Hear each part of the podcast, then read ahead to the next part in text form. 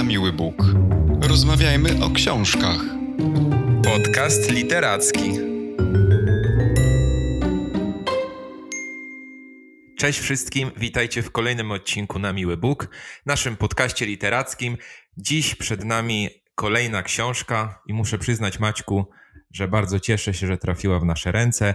Książka Klara i Słońce z piękną okładką, wydana przez wydawnictwo Albatros i napisana, o tym powinienem powiedzieć na początku, przez Kazuo Ishiguro. Laureata Nagrody Nobla z 2017 roku w dziedzinie literatury oczywiście.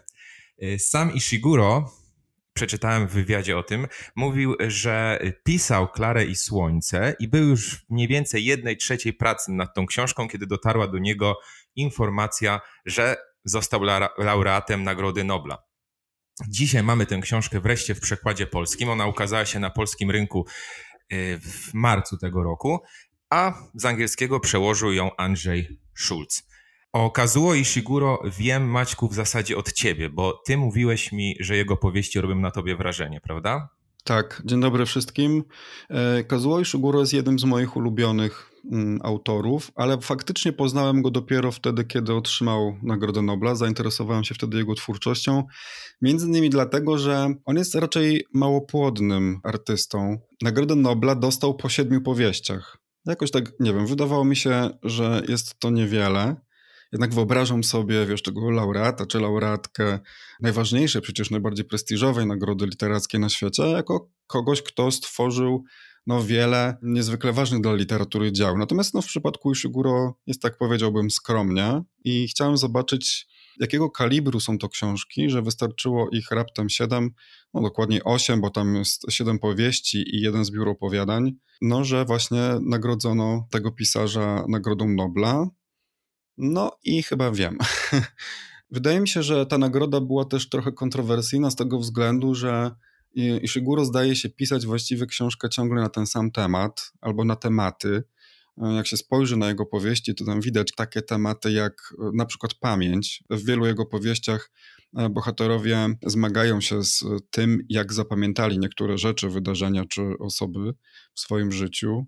Drugim takim tematem jest służba, czyli no, taka funkcja e, służącego, tak, ale takiego niezwykle oddanego, kogoś, kto nie kwestionuje w żaden sposób służby u człowieka, u którego pracuje. I ten motyw zresztą e, trochę się pojawia w e, Klarze i Słońce, chociaż troszeczkę w innym ujęciu, ale jest tam taki motyw bardzo oddanej służby człowiekowi. I trzecim tematem wydaje mi się, że jest to, kim tak naprawdę jest człowiek, co odróżnia nas od maszyn, klonów i właściwie na czym polega to nasze człowieczeństwo? Czy to jest serce, dusza, czy umysł, czy coś jeszcze? Wiesz, coś takiego, co sprawia, że faktycznie jesteśmy tacy wyjątkowi i ten motyw z kolei pojawia się w Nie opuszczaj mnie, takiej powieści, która zrobiła na mnie olbrzymie wrażenie. To jest jedna z książek w takim moim życiu czytelniczym, które są dla mnie najważniejsze chyba. I ten sam dokładnie motyw pojawia się w Klarze i Słońce. Zresztą uważam, że Klara i Słońce i Nie opuszczaj mnie mają ze sobą no, wiele wspólnego. Także zachęcam naprawdę do, do sięgania po powieści Ishiguro. One są niezwykłe. Są też napisane takim dosyć charakterystycznym dla niego stylem, który również właśnie wybija w tej najnowszej powieści. No ale dodajmy jeszcze może, że oczywiście oprócz Nobla wcześniej Ishiguro otrzymał nagrodę Bookera właśnie za powieść Okruchy Dnia, a za powieść Nie opuszczaj mnie był z kolei do tej nagrody e, nominowany. No cieszę się, że, że mamy po sześciu latach e, e, od ostatniej powieści, od Pogrzebanego Olbrzyma, właśnie możliwość czytania Klary i Słońce, bo tak jak mówiłem wcześniej, bywało na, naprawdę tak, że między jego powieściami było 10 lat przerwy, więc to jest bardzo dużo, a chyba też ta książka, która e, ukazuje się po Noblu, no jest dosyć ważna, a przecież czasami już po Noblu książek się nie pisze, także cieszę się, że faktycznie możemy sięgnąć po najnowsze dzieło Ishiguro. Ja też się bardzo cieszę, szczególnie, że to moja e, pierwsza książka właśnie tego autora. Te wszystkie elementy, które wymieniłeś, rzeczywiście potwierdzam, pojawiają się w Klarze i Słońce, ale może zaczynając od początku, od wprowadzenia naszych słuchaczy w to, w jakim kontekście Klara i Słońce jest umiejscowiona. E, to jest taka powieść, e, którą określa się jako soft science fiction, czyli coś, co dzieje się nie tak e, długo od tego stanu, w którym jesteśmy teraz. Nie ma tam przebodźcowania jakimiś bardzo wysokimi technologiami. Wszystko wydaje się możliwe do realizacji za jakiś bliżej nieokreślony czas. Klara jest androidem, y, sztuczną inteligencją, która y, w książce nazywana jest y, SP. I zadaniem takiego SP jest generalnie towarzystwo dzieciom. Zamożni rodzice mogą kupić takiego właśnie androida i kupić go swoim dzieciom, i jego zadaniem jest opieka nad tym dzieckiem, także edukacja i nawet ze względu na takie zaawansowanie technologiczne tych SP, również zaprzyjaźnienie się z tymi dziećmi. Klarę poznajemy w momencie, kiedy jeszcze nie ma swojego dziecka, jest jeszcze w witrynie sklepowej, czeka aż któryś klient zdecyduje się ją kupić, no i w końcu y, doczekujemy się tego momentu, w którym Klara zostaje zakupiona, jest nią zauroczona mała dziewczynka o imieniu Josie, której matka po namowach wreszcie kupuje Klarę jako jej własnego SP i zabierają ją do swego domu. I tak zaczyna się ta właściwa historia. Tak, zgadza się, ale może tylko powiedzmy, bo właściwie mnie się wydaje, że to będzie bardziej SP, ponieważ to jest skrót od sztuczna przyjaciółka albo sztuczny przyjaciel. O, nie zauważyłem tego. Mhm. I myślę, że to SP jest po prostu polskim odpowiednikiem pewnie jakoś tutaj tłumacz przełożył z języka angielskiego. Tak, to faktycznie jest e, sztuczna przyjaciółka e, i bardzo ciekawy jest właśnie cel komercyjny tych androidów, bo one są w tej książce sprzedawane właśnie jako coś, co przecież ma uchronić dzieci E, od samotności, ponieważ to, co powiedziałeś, soft science fiction, ja bym też może określił to jako e, pewnego rodzaju dystopia, bo mamy do czynienia z takim światem, w którym przecież e, dzieci są korygowane, czyli poddawane mm, jakimś modyfikacjom genetycznym i też zdaje się, że dosyć duża część edukacji odbywa się w domu. To znaczy, dzieci mają bardzo dużo zajęć zdalnych, trochę tak jak teraz. Natomiast te androidy, mam takie wrażenie, że właśnie mają spędzać czas z tymi dziećmi, towarzyszyć im właśnie po to, aby te dzieci nie czuły się samotne, no bo nie ma już po prostu szkół takich, jak istnieją e, dzisiaj. Tam dopiero chyba pojawia się właściwie na takim etapie studiów. Dopiero można studiować na uniwersytecie w jakiejś większej grupie. Zgadza się. Jak możemy się domyślać, książka, która jest science fiction czy soft science fiction, będzie dotyczyła e, tematów i zagadnień związanych z, z, jakby z relacją człowieka z robotem. Natomiast to, co chcę powiedzieć a, a, a propos wyjątkowości tej książki, bo muszę powiedzieć, że dla mnie ta książka jest zdecydowanie wyjątkowym wyborem i bardzo cieszę się, że, powiem to jeszcze raz, że trafiła w moje ręce, to jest e, narracja, jaka tej książce występuje, bo narratorką w tej książce jest właśnie Klara. E, ona opisuje świat e, właśnie ze swojej perspektywy, czyli z perspektywy androida, który w niezwykle interesujący sposób rozkłada otaczający go świat na czynniki pierwsze. Mam takie wrażenie, że upraszcza wiele złożonych ludzkich zachowań. E, I, I Klara też nie jest takim zwykłym Androidem. Jest to Android wysokiej generacji, bardzo bystry, błyskawicznie przyswajający zasady, jakim, jakim ulegają ludzie, ale co jest w tym wszystkim ciekawe, ona przy tym bardzo bystrym i szybkim zapoznawaniem się z elementami świata nie jest e, emocjonalna. Mnie to zupełnie zafascynowało, jakby. E, ona ani się nie obraża, ani nie potrzebuje pochwał, kiedy zrobi coś dobrze. Cały czas jest po prostu tą oddaną SP, ale bardzo rzeczową i konsekwentną. Nie ulega emocjom. I dla mnie takie zestawienie zaangażowanego androida, który bardzo dobrze rozumie poczynania i zachowania ludzi, a mimo wszystko z dosyć chłodnym nastawieniem komentuje otoczenie, jest niezwykle interesujące, bo pozwala w bardzo klarowny i taki niezaburzony uprzedzeniami sposób spojrzeć e, na człowieka, na tych wszystkich ludzi, którzy Klarę otaczają. I bardzo podobają mi się opisy sytuacji i taki czysty pragmatyzm, e, który, który cechuje właśnie Klarę. Zobacz, jak wygląda świat opisywany y, przez Klarę. On jest bardzo neutralny, mimo że jako czytelnicy my możemy, y, poznając kolejne fakty, zakładać, że w domu Josie i matki dzieją się dziwne rzeczy, czasami bardzo przykre, bo takie, które są związane z chorobą, z jakąś dyskryminacją. Y, I mimo, że dla nas te sytuacje mogą być przygnębiające, dla Klary są po prostu kolejnym zadaniem do rozwiązania. I to jest dla mnie zupełnie niezwykła perspektywa. Takie bardzo klarowne i przejrzyste spojrzenie na, na, na ludzkie zachowania, na schematy, które nas dotyczą. No tak, Klara jest robotem, androidem, więc pewnie została zaprojektowana no tak, aby nie odczuwać zbyt wielu emocji, bo właściwie w ogóle nie odczuwa emocji, bo pewnie jej twórcy, teraz ja trochę tutaj spekuluję, pewnie uznali, że emocje to jednak pięta achillesowa człowieka, prawda? Trochę jest tak, że przez emocje często jesteśmy e, trochę słabsi ale nie wnikając w ten temat głębiej, mnie się bardzo, bardzo e, podobało to, że ona została wyposażona w e, doskonałą pamięć i doskonały wzrok i słuch zresztą też.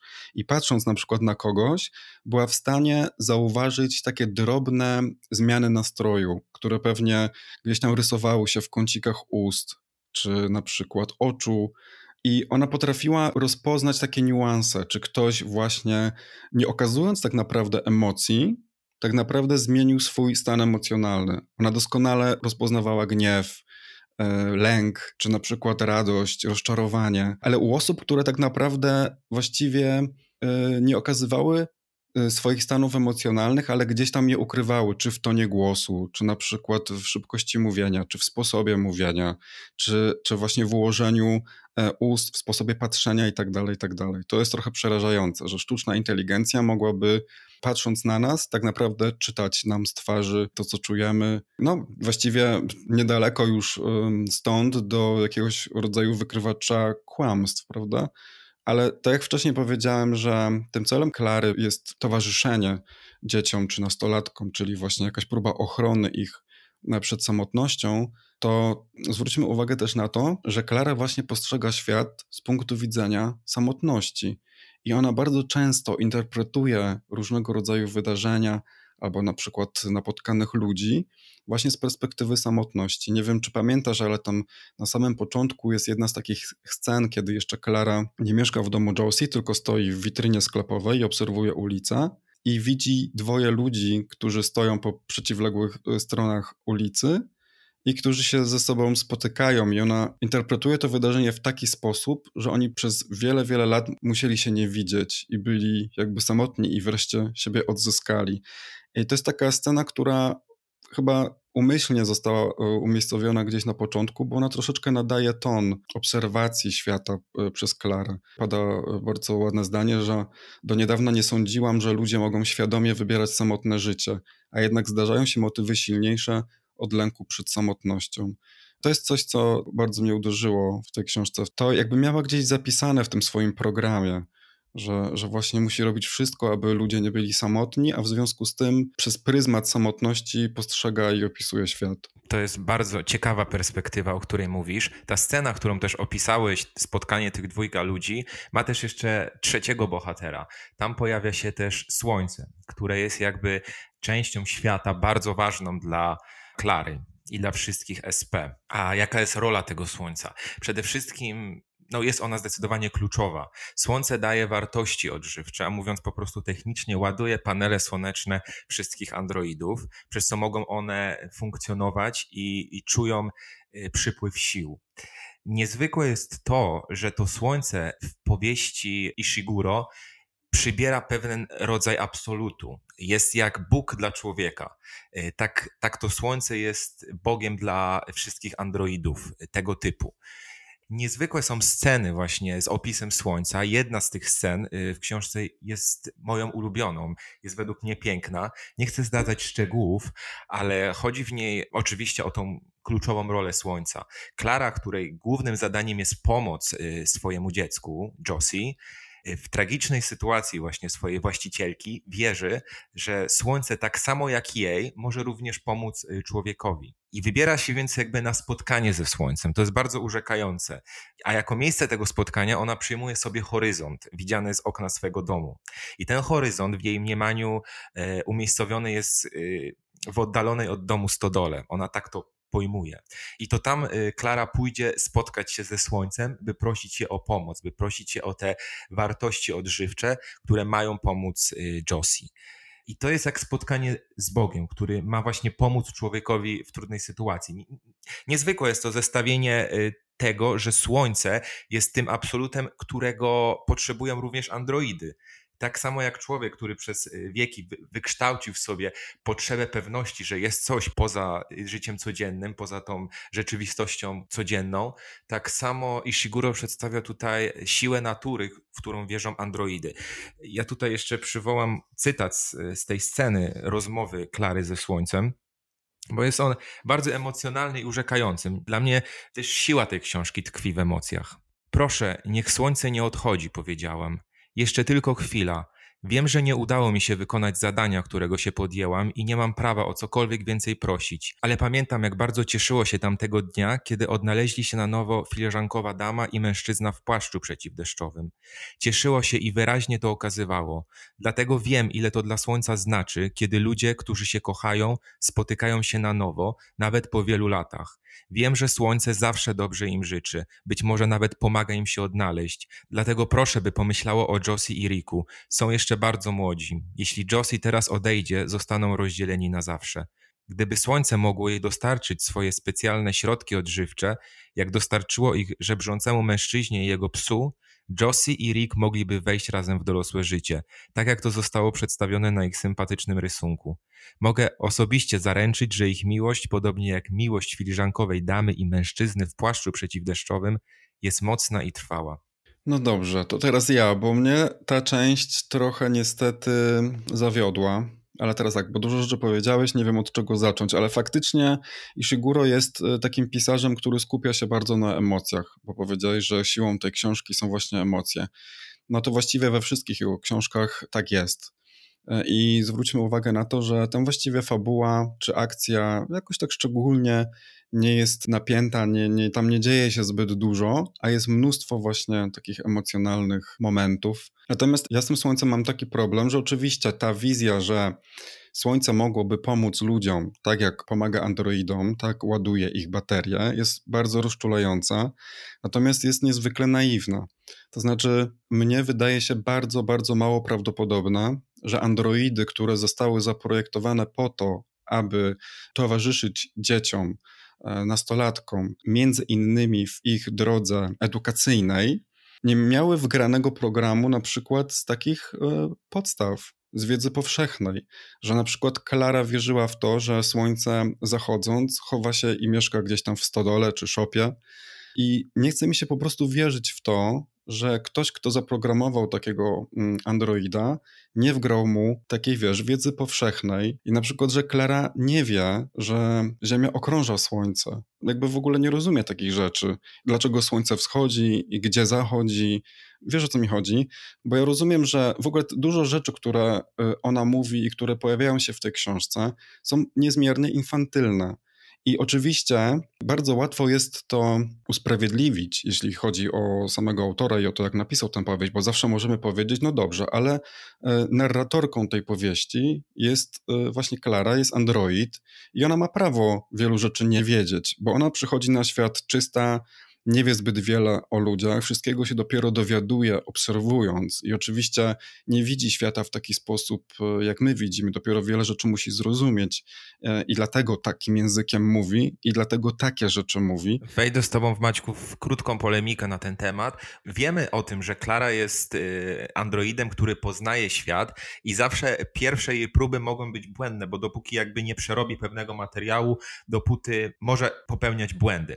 I tak było, wydaje mi się, w przypadku Słońca. Ona widząc, kiedy to Słońce, które zachodzi gdzieś, myślała po prostu, że ma ono swoje jakieś miejsce bytu.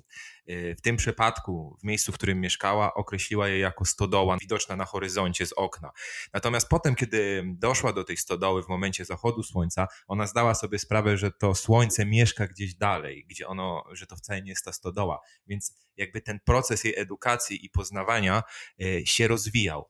I ona zaczęła sobie zdawać sprawę z kolejnych faktów. Tak, ja to rozumiem, tylko chodzi mi o to, że dla mnie jest to bardzo mało wiarygodne, że jeżeli będziemy w momencie, w którym będzie możliwa produkcja Androidów, które będą sprzedawane po to, aby towarzyszyć nastolatkom i dzieciom, ktoś po prostu nie wgra takiej powszechnej wiedzy. To znaczy, ja bym oczekiwał tak naprawdę od takiego Androida, że on będzie miał wgraną Wikipedię, że będzie taką Siri, taką Alexą, wiesz, takim asystentem głosowym, oprócz tego, że będzie miał taką funkcję towarzyską. Ja oczekiwałbym, że będzie miał też taką funkcję dydaktyczną i że jakby tutaj mi trochę to nie gra, dlatego że ja tu widzę pewną niespójność, to znaczy być może Ishiguro zastanawia się nad tym, czy jest możliwe umieszczenie jakby w, jednym, w jednej osobie, już tak nazwijmy tą Klarę, w jednej osobie takich cech, że ktoś jest bardzo naiwny, a jednocześnie bardzo obyty e, w świecie. No bo ta pewna niespójność wynika właśnie z tego, że tak jak ty mówisz, ona musi wszystko jakby zobaczyć i ta jej edukacja postępuje, ale zwróćmy uwagę, że ona od samego początku doskonale potrafi definiować ludzi i ich zachowania i ich, ich charakteryzować i tak czytać właśnie im z twarzy, to o czym mówiłem na początku. Trochę mi to nie gra, że ten android potrafi dostrzec tak skomplikowane niuanse. Nam zajmuje całe życie przecież e, poznawanie tego, jak ludzie się zachowują i jaką mają mimikę, mowę ciała i tak dalej. Natomiast ona tak jakby wie to od samego początku, a nie wie tak prostych rzeczy jak to, w jaki sposób wygląda wszechświat. Musimy też mimo wszystko zdać sobie sprawę, że, że to słońce jest jakby bardzo specyficznym elementem w życiu każdego SP, bo ono daje te wartości odżywcze, ona pozwala funkcjonować androidom. Więc w tych procesach myślowych y, no, może ono być pojmowane jako jakaś zbawienna moc, magiczna moc, która która w tym przypadku według Klary mogłaby też podziałać na ludzi. Po prostu jest to bardzo infantylne, wydaje mi się, że twórcy tych androidów zaprogramowali je w taki sposób, że one wierzą, że, że słońce jest dla nich zbawienne, daje właśnie im te środki odżywcze i tak dalej, o ile łatwiejsze byłoby po prostu wgraniem takiego programu, że one po prostu muszą się wystawiać na to słońce po to, aby naładować swoje baterie. I, i, i może troszeczkę tutaj ta wizja przedstawiona przez Ishiguro jest trochę bardziej romantyczna, nie wiem, ja teraz może niszczę ten cały koncept, natomiast y, gdybym ja był twórcą takiego Androida, to po prostu wgrałbym mu taki program, że Android wie, czym jest Słońce, jaką ma funkcję, czym są baterie słoneczne i że musi co jakiś czas po prostu się wystawiać. Tutaj mamy tak opisane to no, w taki bardzo, no momentami dla mnie po prostu ckliwy sposób i to nie do końca mnie po prostu w tej powieści przekonało. No trochę, trochę niszczysz ten, tę wizję, natomiast y, nie mam absolutnie do ciebie o to y, pretensji, bo ja ca cały czas zauważam w tym y, bardzo dużą wartość, która świadczy o bardzo cienkiej granicy w przypadku eksperymentów ludzi na systemach Androidów, że ich złożoność może doprowadzać do sytuacji, gdzie Android pojmuje pewne rzeczy jako wyjątkowe, magiczne, niezaprogramowane, nietechnologiczne. Czyli w taki sposób jak ludzie, prawda? Właśnie. I wiesz, dla mnie wyjątkowe jest to, że ta sytuacja pokazuje pewne niebezpieczeństwo, może też wartość pozytywną. Tego, że pomiędzy tak zaawansowanymi androidami a człowiekiem może wystąpić bardzo cienka granica, że nawet android będzie w stanie wytworzyć w sobie jakąś ślepą wiarę w pewien absolut, co dotyczy przecież bardzo wielu ludzi, którzy są wierzący i oddani religii na przykład. Mhm. Jeżeli tak stawiasz sprawę, no to faktycznie przekonuje mnie to. Być może zamysłem Ishiguro właśnie było trochę pokazanie, że androidy mogą być takie jak ludzie, jak w tym przypadku Klara mogłaby być taka jak Josie, czyli mogłaby być właściwie takim naiwnym dzieckiem. E, ja, ja mówię o tej naiwności i, i i takiej ckliwości, dlatego że ja po prostu nie lubię tego typu narracji. One e, po prostu mam na nie alergię. Ja na przykład nie lubię książek, w których bohaterami są dzieci, ponieważ e, one postrzegają świat w bardzo tak naprawdę prosty, i też specyficzny sposób, który absolutnie mnie nie interesuje. Mnie interesuje to, jak ludzie dorośli, którzy mają olbrzymie doświadczenie, widzą świat i ja w ten sposób uczę się od nich czegoś. No mogę mieć tylko nadzieję, że kiedyś trafi ci się książka, która zmieni twoje podejście, bo, bo mimo wielkiego doświadczenia dorosłych, o których wspominasz, dzieci mają też bardzo niezaburzone widzenie pewnych rzeczy. W ich życiu nie istnieją uprzedzenia, w ich życiu... No tak, ale to są takie banały, no to, to takie rzeczy to wszyscy wiemy, że dzieci nie są uprzedzone, tak, że to przychodzi dopiero z czasem. Natomiast tak naprawdę coś głębiej, więcej dziecko jako bohater powieści nie jest mi w stanie dać i po prostu nie wierzę w to, że spotkam narrację Tym bardziej, że te narracje są pisane przez dorosłych, więc no nie oszukujmy się. E, w każdym razie wracając do, do tematu książki, jeżeli mówimy o tym, że androidy mogą być jak ludzie, to też pojawia się taki wątek w tej książce, czy właśnie androidy mogą nas zastąpić, prawda? To też oczywiście nie jest nic nowatorskiego. Ten temat jest podejmowany regularnie, bo tam pojawia się taki motyw utraty pracy. Nie wiem, czy na to zwróciłeś uwagę. No i tak właśnie mówimy o tym, że, że Klara być może jest pokazywana w taki sposób, aby uzmysłowić czytelnikowi, że faktycznie może kiedyś nadejść taki dzień, kiedy jednak e, e, androidy będą zbytnio przypominały ludzi i dlatego też może tam bardzo często pojawiają się takie fragmenty, czy to ludzie w ogóle, czy androidy, mówią o tym, czy istnieje w nas coś, co sprawia, że, że jesteśmy jacyś wyjątkowi. Na przykład tu ludzie bodajże ze sobą rozmawiają. Oboje jesteśmy sentymentalni, nie możemy na to nic poradzić. Nasze pokolenie wciąż hołduje starym przesądom. Nie chce się z nimi rozstać. Pragniemy wierzyć, że w każdym z nas jest coś nieuchwytnego, coś wyjątkowego, co nie podlega transferowi. Albo na przykład, czy wierzysz w coś takiego jak ludzkie serce? Nie chodzi mi oczywiście o organ. Pytam o serce w znaczeniu metaforycznym, o ludzkie serce. Myślisz, że coś takiego istnieje? Coś, co czyni każdego z nas jedynym i niepowtarzalnym? I myślę, że właśnie w tym kontekście tutaj warto się zastanowić, e, czy Ishiguro nie penetruje tutaj tego obszaru i nie zadaje takiego właśnie pytania, czy, czy androidy mogą kiedyś być chociaż odrobinę podobne do ludzi. Jak najbardziej. Ten temat jest tutaj jednym z głównych wątków. Y, kwestia właśnie tej wyjątkowości, y, o której mówisz, y, i to, czy Android jest w stanie zastąpić człowieka, czy po prostu naukowiec może zaprogramować go tak, by był tak złożony i po prostu analogiczny w swoim zachowaniu do, do zachowania ludzkiego. Ale wydaje mi się, że tutaj Ishiguro tworzy taką pozytywną odpowiedź na temat wyjątkowości ludzkich istot. On w wywiadzie sam mówi, Chciałbym wierzyć, że jest coś uniwersalnego i wiecznego w sposobie, w jaki odnosimy się do siebie nawzajem, nie tylko w tym, co nazywamy miłością, ale ogólnie we wszystkich naszych typowych relacjach, które mamy w rodzinie i wśród przyjaciół. I poza tym, że Ishiguro mówi o tym w wywiadzie, potwierdza to też w słowach Klary na końcu książki, których jednak nie chcę zdradzać ze względu na to, że nasi czytelnicy być może, w co głęboko wierzę, sięgną po tę książkę i będą chcieli ją przeczytać. No, pomimo tego, że według mnie to nie jest książka idealna, nie zrobiła na mnie aż tak olbrzymiego wrażenia, jak Nie opuszczaj mnie, to wciąż uważam oczywiście, że jest to książka niezwykła, która z pewnością e, wielu naszym e, słuchaczom i słuchaczkom no, dostarczy olbrzymiej przyjemności takiej literackiej, czytelniczej, bo to jest jednak obcowanie z no, dziełem wybitnego umysłu i, i, i, jak najbardziej e, polecam tę książkę i w ogóle całą twórczość Kazuo Ishiguro. Mam nadzieję, że znajdziecie tam dla siebie coś ciekawego. Z mojej strony dziękuję bardzo i do usłyszenia. Dzięki, że poleciłeś mi Ishiguro. Do usłyszenia. Na miły Bóg. Rozmawiajmy o książkach. Podcast literacki.